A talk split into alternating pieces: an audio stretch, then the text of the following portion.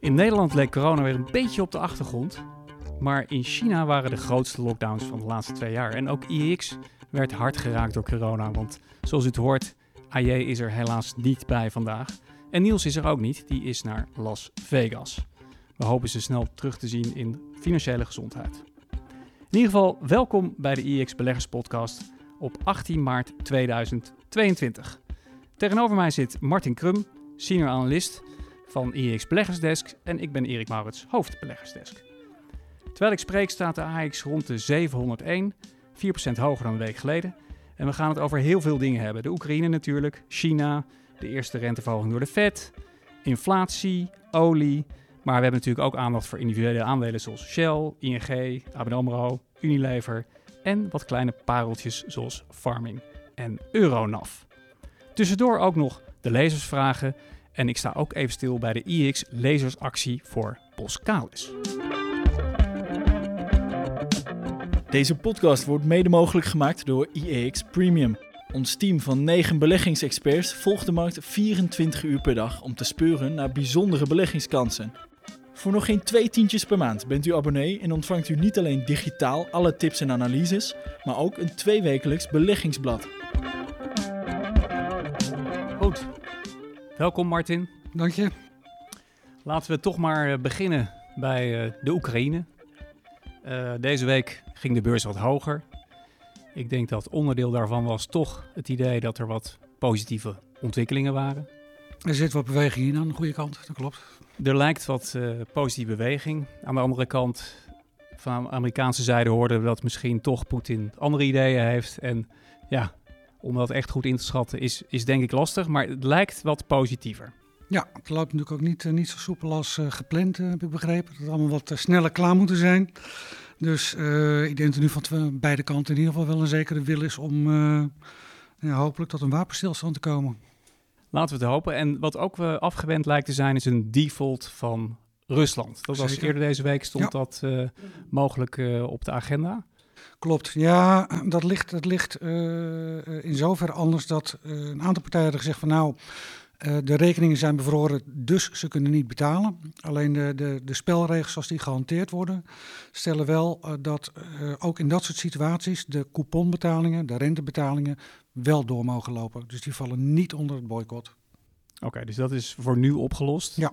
Als het langer duurt, is dat nog even de vraag. Nou, ze moeten in april moeten ze 2 miljard dollar terugbetalen. Dus geen coupon, maar een, uh, echt een uh, aflossing lening. Rusland heeft genoeg geld. Of ze er daar ook voorbij mogen, dat weet ik nog niet. Kortom, wordt misschien vervolgd, ja. maar hopelijk niet. Uh, op dat vlak, wat denk ik ook belangrijk is, is de call die vandaag op de agenda staat tussen Joe Biden en Xi van, van China. Um, ja, gaat Biden gaat natuurlijk zeggen, je moet je er niet mee bemoeien. Althans, hij zal in iets andere woorden zeggen, maar dat zal de strekking zijn. Ja, of hij zal zeggen, bemoei je ermee, maar uh, uh, zegt dan ook tegen Rusland dat ze hiermee moeten stoppen. En China staat er natuurlijk nu een beetje duaal in. Die probeert een beetje van twee walletjes te eten. Dus ik ben benieuwd hoe het gesprek gaat. We zijn allemaal benieuwd. Het is moeilijk om dat te voorspellen. Maar wat denk jij, Martin? Denk je dat Xi iets toegeeft? Of denk je dat hij Rusland zal blijven steunen? Of? Ik denk dat uh, Xi uh, een middenpositie blijft houden zoals hij dat tot nu toe ook al heeft gedaan. Dus, dus zonder zeg maar, de westerse wereld tegen het hoofd te stoten. Ook niet vol voor Rusland te kiezen. Het is echt een, ja, het is een schaakspel tussen drie partijen. Ja, nou dat, dat zou de markt ook nog wel weer eens in beweging kunnen zetten. Um, en nou ja, ik noemde het al even in de introductie. China stond vol in het nieuws deze week. Uh, ware rollercoaster op de Chinese beurs. het begon zeer slecht. De Hang Seng-index die daalde 10% naar het laagste niveau sinds 2008. Uh, om vervolgens op woensdag met 9,1% te, te stijgen. Dat het de grootste stijging was sinds 2008 ook weer. Dus nou, laten we beginnen bij het begin. In het begin van de week was het slecht nieuws voor China. Wat was er precies aan de hand? hand? nou, de, de, de, zeg maar de druk op de bedrijven vanuit de Chinese overheid... die zit er nog steeds op qua regulering. tegelijkertijd zegt China wel van jongens, we willen niet dat markten instabiel raken, financiële markt instabiel raken. Dus dat was dan weer een steuntje in de rug voor de markt. En er werd ook aangegeven dat er steunmaatregelen zouden komen voor zover nodig. Ja, precies. Dus het ging eerst in de week ging het om die, ehm, ja, toch die druk van Chinese bedrijven die een listing hebben in de VS. Zeker. De VS wil meer informatie van Ja. de Chinese bedrijven. Terwijl de Chinese overheid tegen dezelfde bedrijven zegt: je mag eigenlijk niks delen met een buitenlandse regulator. Eh, in ieder geval niet eh, wat die regulator wil hebben. En eh, er wordt nu naasten gezocht naar een compromis. En China heeft in ieder geval een, nou, een stapje in de goede richting willen doen. Of dat voldoende is, dat zullen we nog moeten afwachten. Ja, precies. Want ze hebben aangegeven toch een beetje tegemoet te willen komen Ja. aan de, de problemen waar die bedrijven in zitten met die duale listing. Zeker. Wa- waarom is dat eigenlijk zo erg voor die bedrijven? Want je zou zeggen, nou ja, als je, nou- of je nou in New York of Hongkong gelist bent. eh, Nou, dat maakt een hoop uit. Eh, kijk, die bedrijven staan natuurlijk niet voor niks eh, met hun aandelen ook in New York ge- genoteerd. Veruit de grootste kapitaalmarkt ter wereld. De meest liquide markt ook ter wereld. Dus dat is gewoon een kwestie van kapitaal willen kunnen ophalen. En dat doe je toch daar. In hoeverre denk je dat eh, China ook eh, bezorgd is dat als zij met Rusland blijven samenwerken, dat er ook mogelijke sancties zullen zijn tegen China in het algemeen en dat Chinese is, bedrijven? ja, dat is daar eh, nu wel bijgekomen. Dus het spel wordt wat dat betreft wat onoverzichtelijker. Dit zou gebruikt kunnen worden om de Chinese overheid wat meer in ons kamp te krijgen. Dus ehm, het kwartje kan nog twee kanten op rollen. Dan was er daarnaast weer de, de grootste uitbraak van corona Ja. sinds het begin van de, nou ja, de, de coronacrisis in Mhm. feite. Eh, die raakte helaas net het eh, industriële hart van, van China en daarmee eigenlijk eh, ook, ook Ja. de wereld. En er zijn nu geloof ik 40 miljoen Chinezen in lockdown. Dat kan eigenlijk niet, niet zo verder, zou je haast zeggen. Want die, die nieuwe Omicron-variant die, die is vrij mild, maar heel besmettelijk. Dus ja, hoe, hoe gaat dit verder, denk je? Nou, ik hoop, ik hoop dat ze het eh zero tolerance beleid wat betreft eh, het virus loslaten, want het is gewoon niet haalbaar. Ja, China is toch een eh, iets ander land dan hoe wij hier met elkaar omgaan. Dus ik sluit niks uit. Het is, het is in ieder geval een, spelbederver. En dat betekent in ieder geval ook dat de stress die nu al op de supply chain staat, weer wat groter wordt. Toen kwam ehm, Liu He, ik hoop dat ik het goed uitspreek, eh, maar dat is de vicepremier en, en eigenlijk de belangrijkste economische adviseur van Xi, kwam met het nieuws dat eh, de overheid maatregelen zou nemen om de economy te boosten en eh, allerlei nieuwe maatregelen om de, om de markt te Ja. helpen. Nou, daar ging de beurs meteen keihard omhoog. Wat heeft hij ongeveer gezegd? Ik, de details van het plan ken ik niet, maar over het algemeen moet je dan denken aan verruiming van regels eh, voor wat betreft het aanhouden van kapitaal, extra eh, kredietlijnen, eh, dat soort zaken worden dan eh, meestal vrij massaal eh, toegepast in China. Ja, het werd een beetje als een soort eh, whatever it takes eh, moment eh, gezien. Volgens mij had hij inderdaad heeft hij niet echt hele concrete dingen eh, gezegd, maar daar ging de markt meteen eh nou, ja, 10, 20 procent mee omhoog. Bij je op omhoog, hè? En, en betekent dat nu wat jou betreft dat eh, China weer eh, investable is? Kunnen we nu weer eh Nou, de, vra de, vraag die gaan je, jagen? nou, de vraag die je moet stellen is of China überhaupt investable ooit is geweest.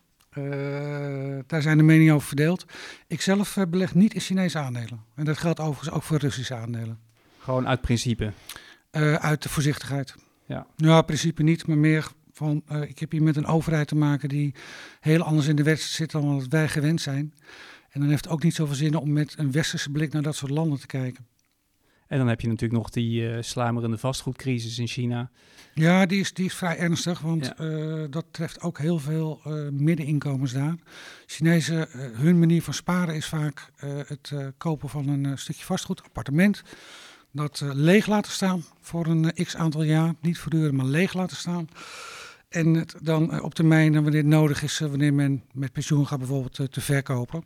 Dus dat is wel een. eh, eh, dat, raakt, eh, dat raakt met name de Chinese middenklasse heel hard. Ja, nou, ze hebben later dit jaar de par- partijcongres waarbij Xi weer voor de derde keer herkozen wil worden. Dus ze moeten eigenlijk alles op alles zetten om die, die groeitargets van 5,5% te halen. Is, is al eh, lager dan gemiddeld. Het, Ja. lag, het lag altijd op een procent of zeven, dacht ik. Ja. Eh, dus het is al minder. Ik ben heel benieuwd of ze het eh, gaan halen. Maar ze moeten altijd minimaal 5. En het is een beetje zoals ja, met, eh, dat, dat heeft ja. met de aanwas van de bevolking te maken en het eh, kunnen, kunnen plaatsen van mensen vanuit het platteland in de grote stad. Nou goed, of je het investable vindt of niet, er zijn in ieder geval nog genoeg risico's aan de horizon. Ja. Uh, dus uh, hoe dan ook, risicovolle beleggingen. Ja, kijk, het zijn, het zijn vaak wel mooie bedrijven, hè, de Alibaba's van deze wereld. Die zijn ook in waarderingstermen echt wel goedkoop. Alleen ja, je zit met de Chinese overheid die gewoon met een pennenstreek, bij wijze van spreken, kan zeggen van jongens, maak even 5 miljard over naar een goed doel. En dan hebben die bedrijven dat maar te doen. Dus je bent uh, aandeelhouder van een bedrijf die niet helemaal in controle is, zeg maar. Helder, helder. Nou, het andere grote nieuws was natuurlijk het vet rentebesluit. deze week verhoogden ze voor het eerst sinds 2018 de rente. Nou, was niet een verrassing. Wat nee. wel een beetje een verrassing was, was hoeveel renteverwachtingen ze voor de rest van het jaar verwachten te doen. Ja, kijk, er wordt nu gesteld uh, 7 à 8 nog voor dit jaar. Ik moet het nog zien. Ik ben daar wat uh, sceptisch over. Je denkt dat het meer moet zijn? Of? nou, ik, ik, denk dat het meer moet zijn, maar ik verwacht dat het minder gaat worden. En, en waarom denk je dat? Uh, de markt kan, uh, denk ik, uh, niet zo gek veel hebben op dit moment. We zijn natuurlijk al vrij kwetsbaar.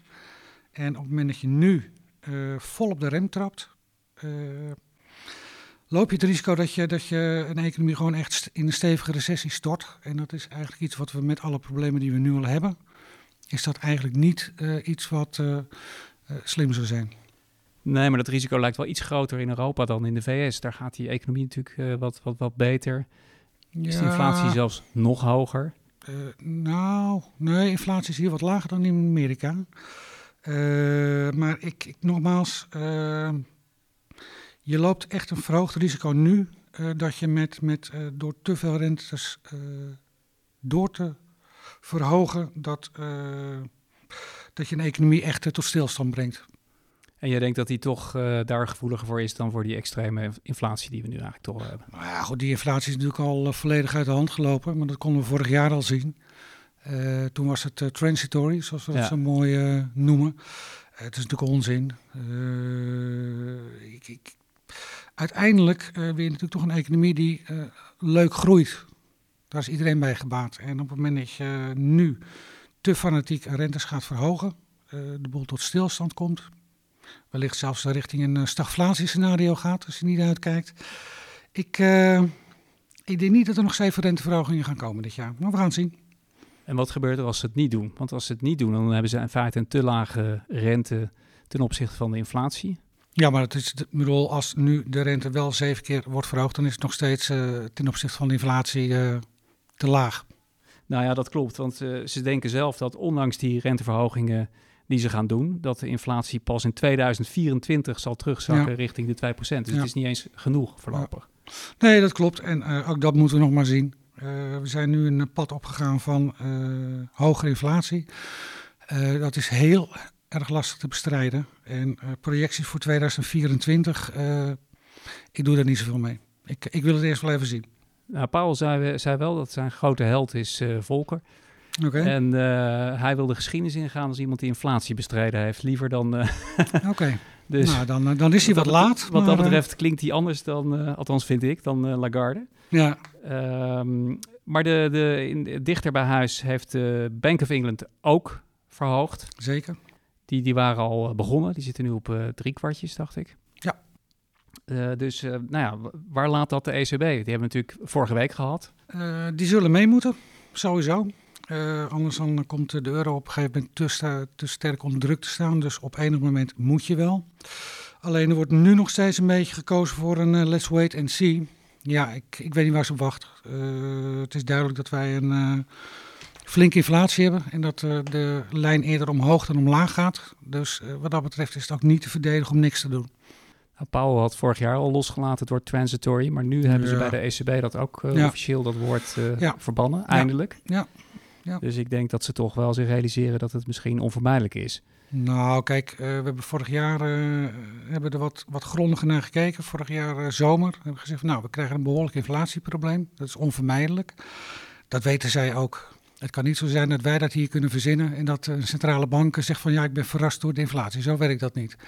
Dus ECB loopt uh, nog, nog verder achter de curve aan dan de Fed. En ehm, die zal in beweging moeten komen. Klaas Knot zei dat overigens wel in de FD eh, volgens mij vandaag, dat ze verrast waren door de inflatie. Ik heb het gezien. Toch, omdat ze toch dachten dat eh, de supply issues eh, Ja. zouden worden Ja. opgelost. Nou, dat is niet opgelost. Nee. En nog mogelijk nog lang niet Nee. opgelost. En Nee. dan krijg je ook nog eens een keertje de impact van de oorlog. Ja. Eh, kortom, eh, Nou ja, kijk, als jouw eh, centrale bankenbeleid niet aansluit bij wat er in de financiële markt gebeurt, hè, met betrekking tot inflatie, ja, dan zou ik ook zeggen, ik was verrast dat het zo hoog ging. ja. En Powell zei tijdens de persconferentie... The time for rate increases and shrinking balance sheets has come. Dus het is misschien toch een, een keerpunt. De markt is natuurlijk toch altijd geholpen door de centrale banken. En mogelijkerwijs zitten we nu op een punt waar die hulp... Nou ja, op zijn minst niet meer vanzelfsprekend is. Dat in ieder geval. Eh, maar nogmaals, eh zeven renteverhogingen dit jaar, ik, eh, ik geloof er helemaal niets van. We gaan het zien. We gaan het meemaken, zoals ze zeggen. Dat brengt ons bij een ander belangrijk thema van dit jaar, namelijk inflatie zelf.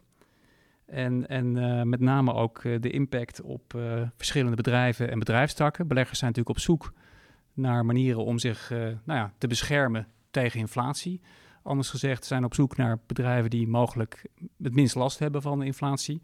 Eh, welke, welke bedrijfstakken moeten we dan aan denken, Martin? Nou, kijk, uiteindelijk eh, is er geen bedrijf die er geen last van heeft. Dat is, die zijn eigenlijk gewoon niet te vinden. Eh, het is wel zo dat bepaalde bedrijfstakken gewoon gevoeliger zijn voor inflatie dan andere bedrijfstakken. En met name voor productiebedrijven. En dan denk ik aan de Unilevers van deze wereld, de Axo's. Die moeten natuurlijk grondstoffen inkopen. Dat zijn daarnaast ook nog eens een keer bedrijven die eh, veel energie nodig hebben. Dus die eh, eh, hebben en krijgen het op dit moment heel erg lastig. Oké, dus eh, dit zijn niet de bedrijven die je moet hebben als je je wil beschermen tegen inflatie. Nee, dit, eh, kijk, ik bedoel, ASML die kan vragen voor zijn apparatuur wat, eh, wat ze wil. Hè, want dat is gewoon nodig. Dus dat soort bedrijven, wellicht energiebedrijven, hè, oliebedrijven, utilities. En dan denk ik aan de RWE's van deze wereld. die gaan de energieprijs echt wel één op één doorberekenen. Die hebben natuurlijk ook een marktpositie waarin je gewoon niet zonder kunt. Je kunt niet even zeggen van nou, het, eh, de elektriciteit wordt te duur, ik, eh, ik neem even drie maanden niet af. ASML was dan volgens mij ook een van de grootste stijgers de laatste week. Dus wellicht eh, is Ja. dit een Ja. van de verklaringen daarvoor. Maar goed, Unilever, dat is dus even nu qua inflatie. Unilever gaat, gaat het niet volledig kunnen doorberekenen. En dat geldt in mijn optiek ook voor Axel Nobel. En een bedrijf als Ahold of Corbion. Supermarkten zitten sowieso lastig, want die proberen natuurlijk zo scherp mogelijk in te kopen ten opzichte van de fabrikanten die het zo eh, hoog mogelijk willen wegzetten bij de supermarkt.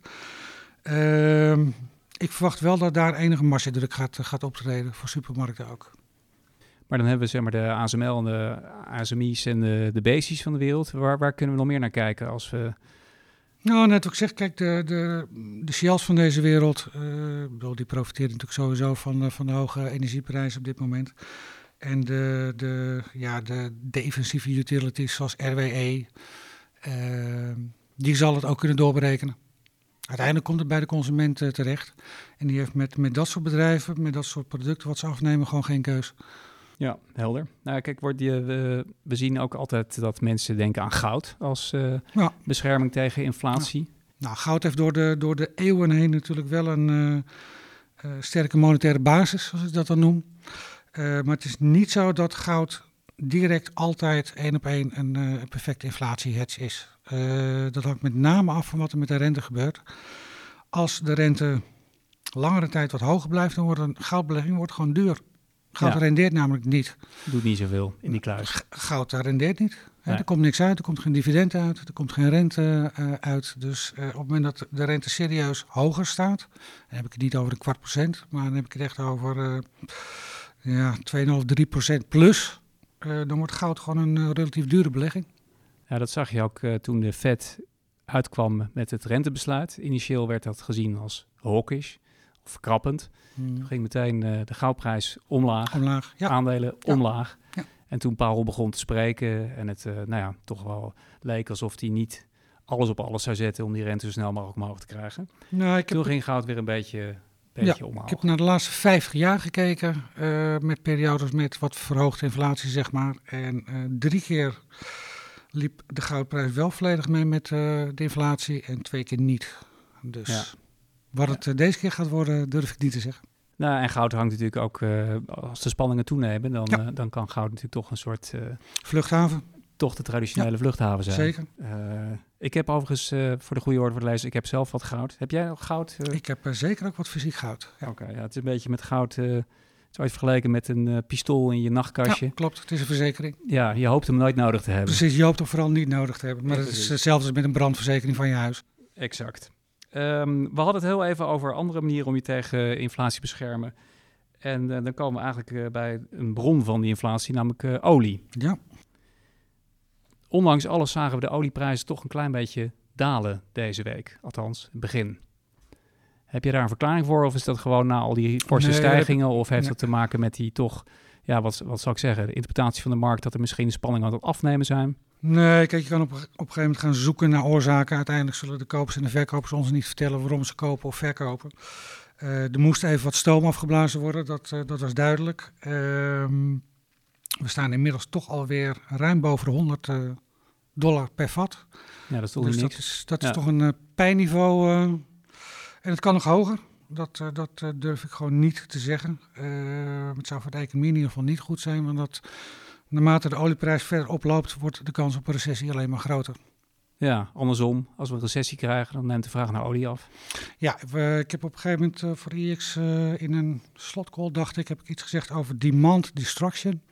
Dat wil zeggen dat als op een gegeven moment de prijs van een bepaald goed te hard oploopt, te lang ook op een hoog niveau blijft, dat dan een deel van de vraag die is afgehaakt vanwege de hoge prijs niet meer terugkomt. En dat zou bij, bij olie zou dat, zeker ook kunnen gebeuren.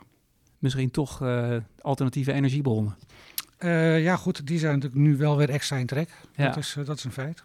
En, en er zijn natuurlijk veel beleggers, en we hadden er ook wat lezersvragen over, die, die hebben zelf een bedrijf als bijvoorbeeld Shell. Mm -hmm.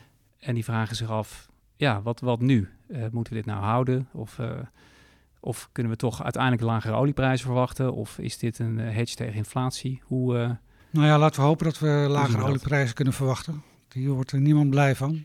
Uh, dat hangt uiteraard met name af van uh, hoe het nu verder met Rusland gaat.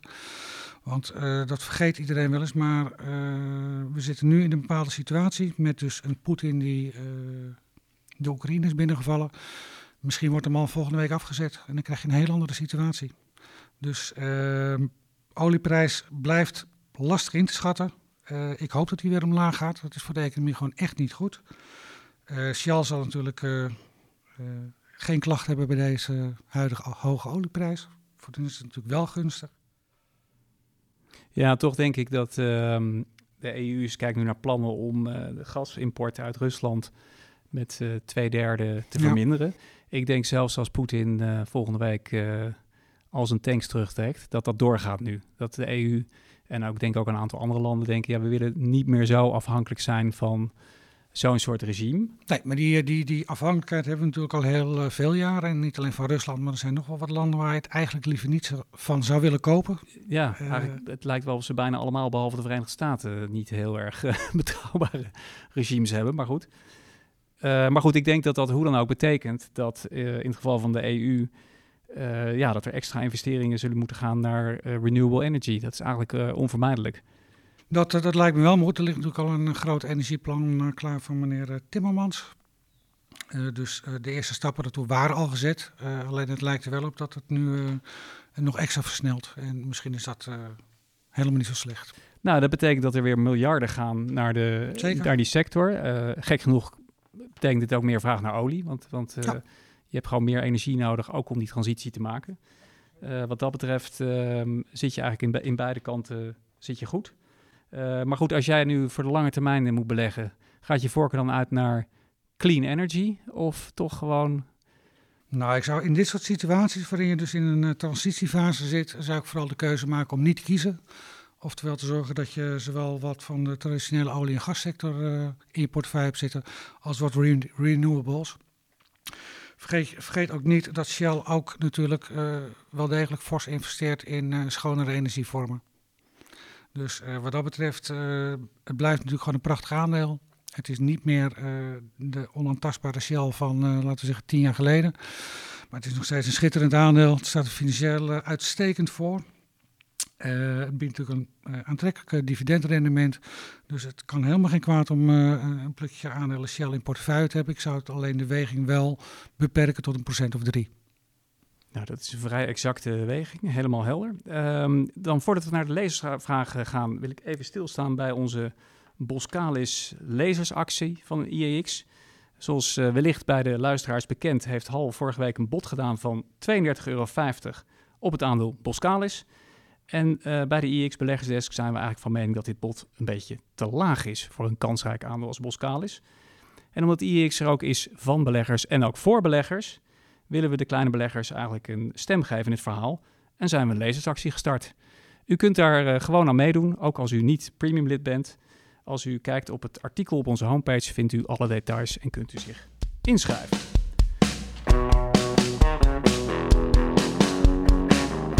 Dan de lezersvragen. Uh, we beginnen met een vraag van iemand die ik, nou, mogelijk is het een pseudoniem, anders heeft hij een uh, hele mooie naam. Dr. Heinz Dovenschmierts. uh, dat is uh, een cartoon. Aha. Um, maar die vraagt zich af, Martin, vraag voor jou, het is een aandeel ook wat je volgt. Hoe komt het dat market makers, flow traders, Virtu, over het algemeen niet alleen bij hoge volatiliteit, maar voornamelijk alleen bij harde koersdaling omhoog gaan? Nou, het is, dat is ten eerste een stukje bescherming zoeken tegen, tegen uh, uh, een negatieve markt. Ja, over het algemeen, op het moment dat de markt, markt breed uit uh, daalt, blijven dit soort aandelen redelijk goed liggen. tweede reden zou kunnen zijn, enigszins speculatief, maar dat, dat werkt wel zo. bij harde koersdalingen neemt de spread toe. Dus dan verdient Flow ook daadwerkelijk meer dan wanneer het in een leuk tempo omhoog gaat. En met spread bedoel je de verschillen tussen, Verschil tussen bied en, laadkoers ja. op de markt? Zij zitten daar natuurlijk tussen. En zeker als het uh, bij harde koersdalingen hè, wat paniek verkopen, dan valt er voor Flow uh, echt wel een centje extra te verdienen. Ja, en gerelateerd aan Flow Traders een vraag van Kato de Jongere. En die, die zegt, zowel op deze site, dus IEX, als in de podcast wordt wel eens gezegd, beleg alleen in dingen die u binnen een minuut begrijpen kan. En Kato had recent een gesprek met een andere belegger in Flow Traders, die hem uitlegde hoe Flow Traders werkten. Maar op een gegeven moment dacht Kato, beleggen we eigenlijk wel hetzelfde bedrijf, want hij heeft totaal geen, het, niet hetzelfde beeld over dit bedrijf. En de vraag is eigenlijk uh, of wij ook wel eens zo'n situatie hebben meegemaakt. Ik denk dat het dan gaat over of we wel eens belegd hebben in bedrijven waar we niks van begrijpen. En of een ander idee hebben over een uh, bedrijf. Nee, dat, uh, ik, ik in ieder geval niet. Ik kan niet voor jou spreken uiteraard. Maar ehm, over het algemeen wat wij als beleggersdesk ook doen is, we gaan eerst even ons verdiepen in het bedrijf zelf. Wat doet het? Wat is het verdienmodel? Uh, dus uh, wat mij betreft niet, nee. Nee, ja, je refereert even aan mijn beleggingsportefeuille. Ik heb helaas wel in een aantal bedrijven af en toe belegd. Maar goed, en andersom heb je natuurlijk ook dat mensen wel een bedrijf of een product begrijpen. En bijvoorbeeld een bepaalde auto heel mooi vinden en daarom het aandeel heel mooi vinden. Maar dat, dat, dat werkt ook niet. Of tenminste, nee, hoeft niet nou ja, goed, kijk, bij een, bij een autofabrikant is vrij duidelijk wat ze doen. Uh, bij sommige bedrijven is dat inderdaad wat lastiger. Maar goed, uh, uiteindelijk, op het moment dat je een aandeel koopt, geef je dus uiteindelijk jouw geld aan dat bedrijf. Hè, zo moet je het even zien. Je bent mede-aandeelhouder. Dan lijkt het me ook wel handig dat je in ieder geval, uh, nou, al is het maar oppervlakkig, in ieder geval weet wat het bedrijf doet. Uh, want ja, je, je geeft toch je eigen kapitaal uit handen. En dan wil je toch wel graag weten dat het in goede handen is, denk ik. Zo is het. En de volgende vraag uh, die zal ik beantwoorden. Het gaat over uh, turbo's. Mijn, in mijn vorige leven was ik daar veel mee bezig. Maar Swing Trader die vraagt zich af: um, kan het niet interessant zijn om een lage hefboom, sprinter of turbo long te kiezen op een hoog dividendaandeel? Als het dividend hoger is dan de financieringskosten, verdien je toch als de koers niet dramatisch zakt? Of zie ik iets over het hoofd? Nou, dat, uh, dat is inderdaad een uh, correcte analyse. Um, maar zoals Swingtrader zelf al zegt, als de koers niet dramatisch zakt. Als we bijvoorbeeld uh, het voorbeeld nemen van Shell, voormalig Royal Dutch Shell, dat stond in 2018 op moment op 30. Als je toen een turbo had gekocht met een hefboom van 2, dan was die toch ondanks alles nu uitgestopt. Eh, dat klinkt uh, nu verrassend, niet verrassend, maar toen was dat uh, wel vrij ja, moeilijk te voorspellen. Dus die markt kan altijd harder bewegen dan je denkt. En ook zelfs met een hefboom 2 het stoplosniveau bereiken. Maar inderdaad, als dat niet gebeurt, dan is dat eh, wel een manier om extra rendement te halen. Maar met alles met extra rendement betekent ook extra risico. Ik, zou er wel aan toe willen voegen dat ik denk dat het ook wel een uitdaging wordt om aandelen te vinden met een dividendrendement wat hoger ligt dan de financieringskosten. Dat zal ja, niet die, die, die, die, financieringskosten zijn op zich iets van 2,5% op jaarbasis nu. Okay. Dus dat kan wel. Uh, je moet alleen ook rekening mee houden dat je bij die producten 15% dividendbelasting ingehouden wordt. Ja. Dus die moet je ook nog even meenemen. Okay. Dan is er een vraag over Ebusco. Um, de koers is flink weggezakt, weggezakt, maar in dit huidige anti-olieklimaat verwacht ik juist een stijgende koers. Dat is eigenlijk niet zozeer. Oh ja, dat is eigenlijk wel de vraag. Wat is onze mening? Uh, in principe heeft meneer gelijk. Meneer denk ik dat het is. Uh, alleen, uh, er moet niet worden vergeten dat Ebusco is een wat kleiner aandeel. Heeft nog een nou, beperkt track record. staat ook net een half jaar op de beurs, denk ik. Dat soort fondsen zijn gewoon wat gevoeliger wanneer een markt negatief draait. dus ehm, ja, ik verwacht best wel heel veel van Inbosco de komende jaren. Maar dat is ook wel een aandeel waarvan ik zeg, daar zul je gewoon geduld voor moeten hebben. Dat gaat echt niet binnen één of twee kwartalen allemaal heel hard omhoog. Dus koop het. Kan op de plank. Leg het op de plank en wacht even een paar, jaar. jaar. Ja, er was een klein berichtje vandaag over Ebusco. Was ja, dat belangrijk of is dat... Uh... Nee, ze hebben, ze hebben een minderheidsbelang genomen in een uh, bedrijf uh, met emissievrije schepen. Dus dat is een start-up, dus dat gaat niet over materieel geld. Okay. het is wel een logische stap. Alleen ik zou liever zien dat Ebusco nog wat uh, orretjes weet te melden over bestelde bussen. We gaan het meemaken. Dan was er een vraag van Harm de Jong die geeft zelf al aan, ik zit zelf in ING. Ik zit er overigens full disclosure ook in ING. Financials hebben het zwaar op dit moment. Tijdens de podcast zijn we al vaker negatieve geluiden over het beleggen in financials te horen. Zijn financials wel de moeite waard als onderdeel van de portefeuille? Nou, dat uh, moet uiteraard uh, iedereen voor zichzelf bepalen. Ehm, het dividendrendement is over het algemeen natuurlijk wel vrij aantrekkelijk. Dat zal nu een procent of vijf zijn bij, bij ABN en ING. Dus die attractie snap ik wel. Uh, alleen ehm, banken zijn natuurlijk ook gewoon bovengemiddeld riskant. En dat wordt toch vaak vergeten. Uh, zeker in tijden van nou, uh, recessie. dan krijgen we weer het circus dat leningen weer, moeten worden afgeschreven. Kost weer geld. Ehm wij zijn inderdaad geen groot fan van banken.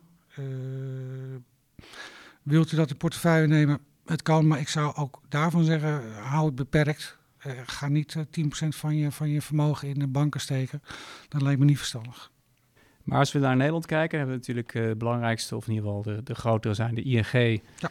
en, en ABN AMRO. ING speelt natuurlijk ook mee de Rusland-exposure? Nou, dat, dat speelt op dit moment bij alle banken mee. Uh, want we zitten natuurlijk ook met een stukje besmettingsgevaar. Uh, welke bank heeft wat uitstaan in Rusland en de Oekraïne? Um, en heb jij bijvoorbeeld zelf als bank geen uh, lening uitstaan in de Oekraïne en Rusland, maar heb jij bijvoorbeeld wel kapitaal uitstaan bij een collega die er wel zwaar in zit? Ik noem een Raiffeisenbank dan heb je alsnog een probleem. Hè? Dat is het besmettingsgevaar, uh, wat eigenlijk niet goed in te schatten valt. Een aantal banken hebben nu aangegeven wat hun exposure is. We weten natuurlijk nog niet of dat allemaal volledig moet worden afgeschreven. Daar gaan we niet direct vanuit, maar het gaat wel geld kosten. Ja, er zijn natuurlijk ook nog allerlei bedrijven die door de hoge grondstoffenprijzen in de problemen komen. Dan wel omdat ze zich niet gehedged hebben, dan wel overhedged. Ja. en dat komt natuurlijk pas op, tot het licht uh, als het te laat is. En ja, ik, ik, heb bijvoorbeeld begrepen dat ING die heeft met name aan wat partijen uh, financiering verstrekt voor de, dat zijn dan exportbedrijven vanuit Rusland. Ja, die mogen niet exporteren. Dus ik uh, ga ervan uit dat dat soort bedrijven op dit moment gewoon weinig tot geen geld verdienen. Dat betekent dus wel dat je ook op de uitstaande leningen een probleem hebt. En ze krijgen natuurlijk weer een groter uh, compliance risico. Ja. Omdat als ze zaken doen met aan Rusland gerelateerde bedrijven, dan krijg je meteen weer een. Uh, ja, ik denk, banken hebben er een lesje wel even geleerd. Die zullen nu uh, zo ver mogelijk, zo comfortabel mogelijk van het randje wegblijven. En het ook zeker niet opzoeken.